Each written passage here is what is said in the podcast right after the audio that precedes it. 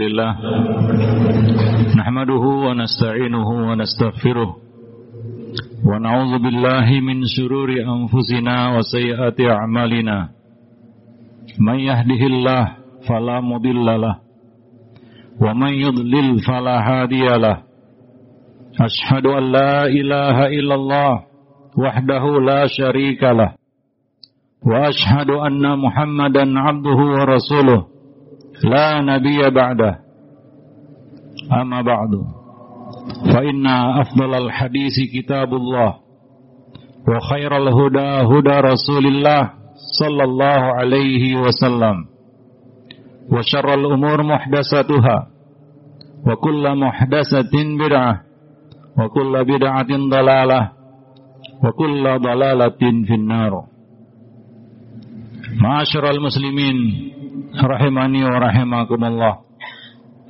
Usikum wa nafsi bitaqwallah. Faqad fazal muttaqun. Wa qala ta'ala fi kitabihil majid.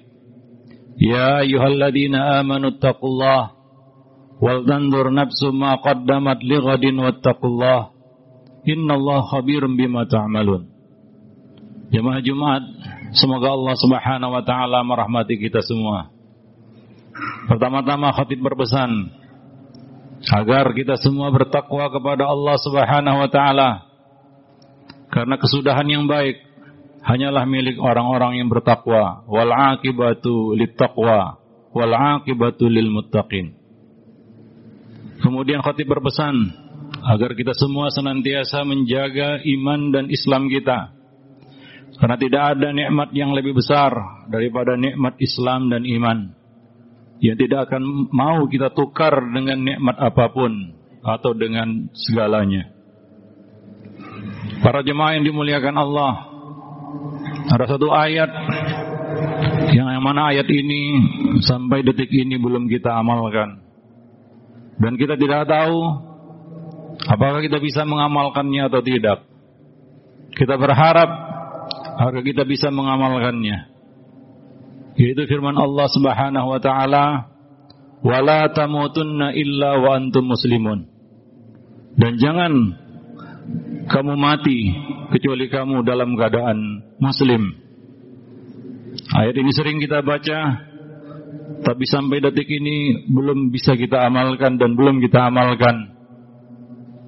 Dan kita berharap kita bisa mengamalkannya yaitu mati di atas Islam. Kematian adalah pintu gerbang menuju alam berikutnya. Di mana sebelum kematian kita akan menghadapi satu pertempuran yang besar. Satu partai puncak, partai final menghadapi musuh kita yaitu iblis dan bala tentaranya. Tentunya dia tidak akan melepaskan buruannya. Dia telah bersumpah di hadapan Allah dia telah menukar surga dengan umur yang yang ia minta sampai hari kiamat. Dan Allah Subhanahu wa taala mengabulkan itu. Dan dia berkata la ughwiyannahum ajma'in. Aku akan sesatkan semua anak Adam. Itu target iblis. Yaitu menyesatkan semua anak Adam. Maka sebelum ruh itu keluar dari jasad, berpisah dari jasad, maka iblis akan mengirim pasukan terbaiknya untuk mengganggu anak Adam ini. Sungguh peristiwa kematian bukanlah peristiwa mudah. Oleh karena itu kita dilarang untuk minta kematian. Dan kita dipersiapkan untuk menghadapi kematian. Dan tidak boleh meminta kematian itu. Apalagi melakukan tindakan bunuh diri. Karena kematian itu adalah musibah. Allah Subhanahu wa taala menyebut kematian itu adalah sebuah musibah. Dan kita tidak boleh meminta musibah. Kita tidak boleh meminta kematian tapi kita harus mempersiapkan diri untuk menghadapinya. Terlebih ketika kita akan meninggalkan dunia ini yang kita berharap kita meninggalkan dunia ini dengan membawa kalimat la ilaha illallah dan itu sebagai ucapan terakhir yang kita ucapkan di dunia. Nabi berkata, "Man akhiru kalamihi la ilaha illallah dakhalal jannah." Barang siapa yang akhir ucapannya la ilaha illallah, maka dia akan masuk surga. Akan tetapi tidak semudah yang kita bayangkan. Nabi Shallallahu Alaihi Wasallam berpesan kepada kita semua, aksiru min qawli la ilaha illallah qabla ayyuhala bainaha wa bainakum. Perbanyaklah kamu mengucapkan, membaca, berzikir la ilaha illallah. Yang kata Nabi adalah sebaik-baik zikir. Afdalu zikri la ilaha illallah. Qabla ayyuhala bainaha wa bainakum. Sebelum kamu dihalang dari kalimat tersebut. Siapa yang menghalang kita dari kalimat itu sekarang? Tidak ada. Tidak ada yang dapat menghalangi kita untuk mengucapkan kalimat itu sekarang. Tapi nanti, wallahu alam, yaitu ketika kita menghadapi kematian. Ketika kematian itu ada di hadapan mata kita. Ketika roh akan pergi meninggalkan jasad. Apakah semudah itu mengucapkan kalimat la ilaha illallah di akhir kehidupan? Jawabnya tidak. Kenapa? Karena ada satu pihak yang berusaha sekuat tenaga untuk menghalangi kita dari kalimat itu. Seperti yang diperingatkan Nabi sallallahu alaihi wasallam. Perbanyak kalian mengingat, mengucapkan, mempelajari dan mengamalkan kalimat la ilaha illallah sebelum kalian dihalang darinya. Yaitu ketika kita menghadapi kematian. Iblis dan bala tentaranya akan menghalangi kita dari kalimat tersebut. Maka kalau ada di sini para ikhwas sekalian, jemaah sekalian yang pernah menalkin, membimbing, menuntun seseorang untuk mengucapkan kalimat la ilaha illallah di akhir hidupnya. Coba lihat apakah dia mampu mengucapkannya. Apakah orang yang dituntun itu mampu untuk mengucapkan kalimat la ilaha illallah, sebuah kalimat yang kelihatannya mudah untuk diucapkan sekarang tapi tidak pada saat kita menghadapi kematian. Maka dari itu, Ibnul Qayyim menyebutkan di dalam kitab Al-Fawaid beberapa kisah orang-orang yang menghadapi kematian. Ketika dituntun untuk membim, untuk mengucapkan, dibimbing untuk mengucapkan la ilaha illallah, dia justru mengucapkan kata-kata yang lain. Ada seseorang yang dituntun, dibimbing untuk mengucapkan kalimat la ilaha illallah, dia justru mengatakan sekakmat sekakmat karena selama hidupnya habis untuk main catur saja. Seseorang dibimbing untuk mengucapkan kalimat la ilaha illallah, apa yang dia katakan sekian persen sekian persen. Ternyata orang ini adalah tukang makan riba. Yang dia ingat persen dan persen. Maka kalau ditanya bagaimana kita mati, Sebenarnya jawabannya ada sekarang. Yaitu bagaimana kita hidup, itu jawabannya. Itu seseorang akan mati dengan kebiasaan yang biasa dia lakukan. Maka dari itu biasakan, perbanyak mengucap dan berzikir la ilaha illallah sebelum kita dihalang dari uca dari mengucapkannya para jemaah yang dimuliakan Allah. Karena iblis tidak akan mengirimkan pasukan-pasukan abal-abal untuk mengganggu anak Adam ini. Dia akan mengirim pasukan terbaiknya untuk menghalang, untuk mencegah hamba ini dari mengucapkan kalimat la ilaha illallah. Maka banyak kisah-kisah yang berkaitan dengan talqin orang yang mau mati. Ada seorang yang sebelum mati dia ngoceh. Bicara ini, bicara itu. Ketika sedang sekarat dan dibimbing untuk mengucap la ilaha illallah, tiba-tiba saja mulutnya, mulutnya mengatup, tidak mampu bicara. Padahal orang-orang di sekitarnya berlomba-lomba membimbingnya untuk mengucapkan kalimat la ilaha illallah. Jadi kematian itu bukanlah perkara yang mudah. Ketika ruh akan pergi selamanya meninggalkan jasad, maka di situlah pertempuran terakhir kita melawan musuh kita yang telah menyimpan dendam kesumat dan telah berikrar di hadapan Allah la ajmain. Aku akan sesatkan semua anak Adam. Target iblis semua anak Adam. Sebanyak-banyaknya. Maka dari itu kita anak Adam harus mengetahui sebuah sejarah peristiwa yang Allah Subhanahu wa taala sering ulang-ulang di dalam Al-Qur'an Kalau kita baca Al-Quran, maka sering kita dapati di beberapa surat Allah Subhanahu wa taala bercerita tentang peristiwa Adam dan iblis. Karena keberadaan kita sekarang di sini, detik ini itu berkaitan erat, sangat erat kaitannya dengan peristiwa yang Allah Subhanahu wa taala ceritakan di dalam Al-Qur'an berkali-kali. Itu tentang bapak kita Adam dan musuh kita iblis. Dan itulah hari-hari yang kita jalani, pertempuran melawan musuh kita itu sampai nanti ruh akan berpisah dari jasad. Jemaah yang dimuliakan Allah. Maka kita hidup sekarang adalah untuk mempersiapkan wal tandur nafsun maqaddamat liqat. Hendaknya setiap jiwa memperhatikan apa yang sudah disiapkannya untuk menghadapi detik-detik saat-saat yang pasti dia jalani itu. Kullu nafsin dha'iqatul maut. Karena setiap yang berjiwa pasti akan merasakan kematian. Cepat atau lambat. Coba lihat orang-orang yang ada di sekitar kita. Sipulan dan sipulan. Dulu ada di samping kita. Duduk di dekat kita. Tapi sekarang dia ke mana? Kalaulah mereka pergi, apakah kita tidak pergi? Kita juga bakal pergi. Tinggal tunggu waktu yang kita tidak tahu kapan itu. Fa'ta biru ya ulin nuha.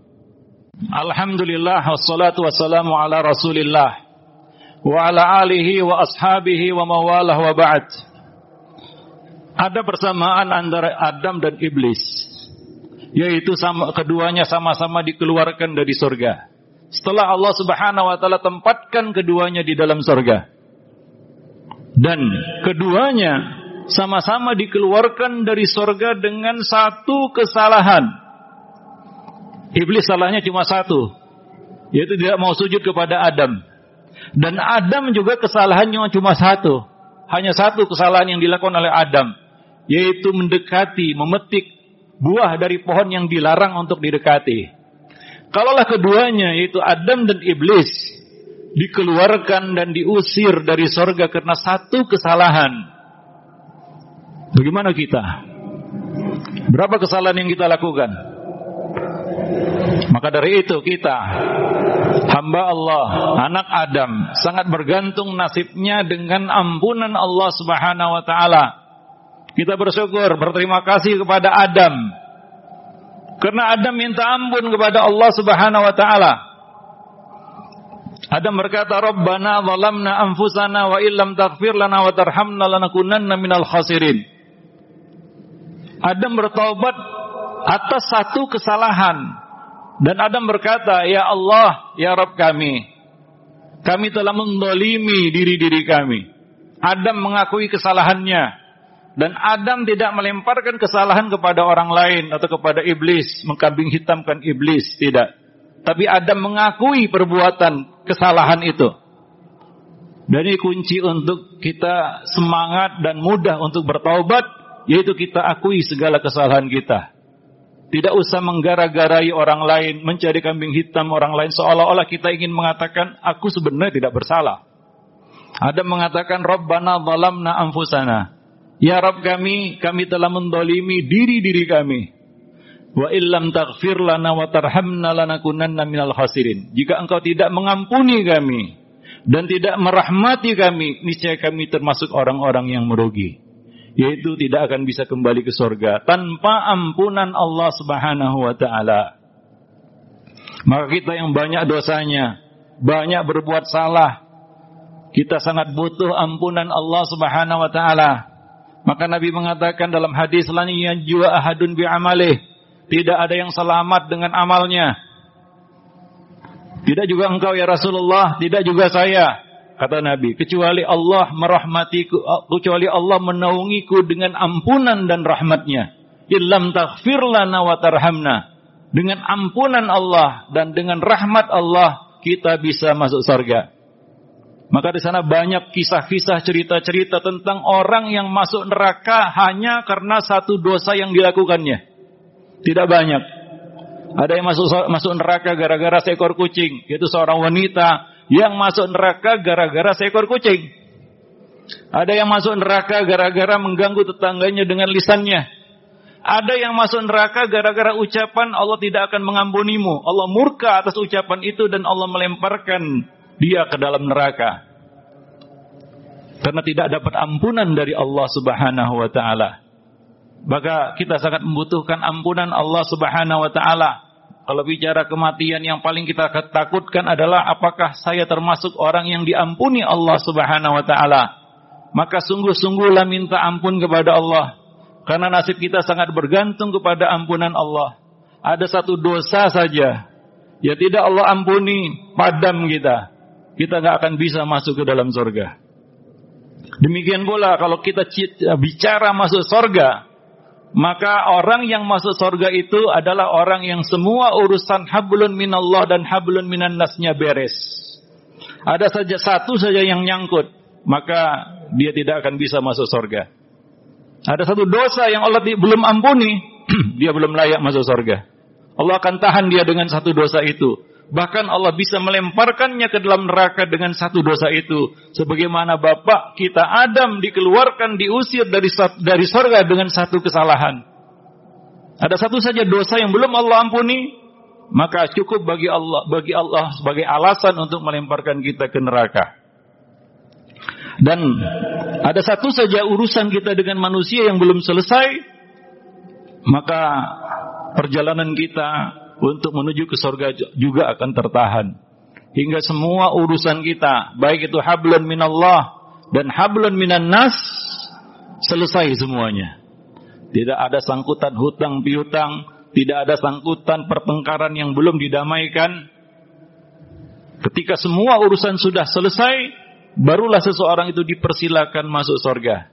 Masih ada satu saja yang nyangkut dari hablun minallah maupun hablun minan nas, maka dia akan ditahan. Dan di akhirat nanti ada satu tempat yang bernama kontoroh. Di mana di tempat itu ditahan semua orang yang masih ada permasalahan yang belum selesai. Dengan manusia. Masalah hutang piutang, pertengkaran. Kalau masih ada yang nyangkut maka akan ditahan di tempat yang bernama kontoroh. Hingga semua urusan selesai. Barulah seseorang itu dipersilakan masuk sorga dengan ampunan dan rahmat Allah Subhanahu wa taala. Hatta hingga orang yang mati syahid sekalipun dia akan ditahan apabila dia ada sangkutan hutangnya. Apalagi yang mati biasa para jemaah yang dimuliakan Allah. Maka dari itu ya di dunia ini adalah waktu kita bersiap untuk menghadapi momen-momen yang luar biasa sangat dahsyat hari di mana Allah menampakkan semua yang rahasia, yaumatublas sarair. Wa husila ma fis sudur, akan dibongkar semua yang tersimpan di dalam dada. Yaumut taghabun, hari dinampak, dinampakkan semua kesalahan. Kita harus bersiap untuk menghadapi hari tersebut. Demikian mudah-mudahan bermanfaat bagi kita semua. Innallaha malaikatahu yusalluna 'alan nabi. Ya ayyuhalladzina amanu sallu alaihi wa sallimu taslima. Allahumma salli ala Muhammad wa ala ali Muhammad kama sallaita ala Ibrahim wa ala ali Ibrahim innaka Hamidum Majid. Allahumma barik ala Muhammad wa ala ali Muhammad kama barakta ala Ibrahim wa ala ali Ibrahim innaka Hamidum Majid. Allahumma fil muslimina wal muslimat المؤمنين والمؤمنات الأحياء منهم والأموات إنك سميع قريب مجيب دعوات يا قاضي الهدى ربنا ظلمنا أنفسنا وإن لم تغفر لنا وترحمنا لنكونن من الخاسرين Rabbana afriq alaina sabran wa tawaffana muslimin. Allahumma inna nas'aluka al-huda wa tuqa wal afafa wal ghina. Allahumma kfina bihalalika haramika wa ghnina bifadlika aman siwak. Rabbana hablana min azwajina wa zurriyyatina qurrata ayun waj'alna lil muttaqina imama. Allahumma inna nas'aluka husnal khatimah wa na'udzubika min su'il khatimah. Rabbana atina fid dunya hasanah wa fil akhirati hasanah wa qina adzabannar. Wa aqimis shalah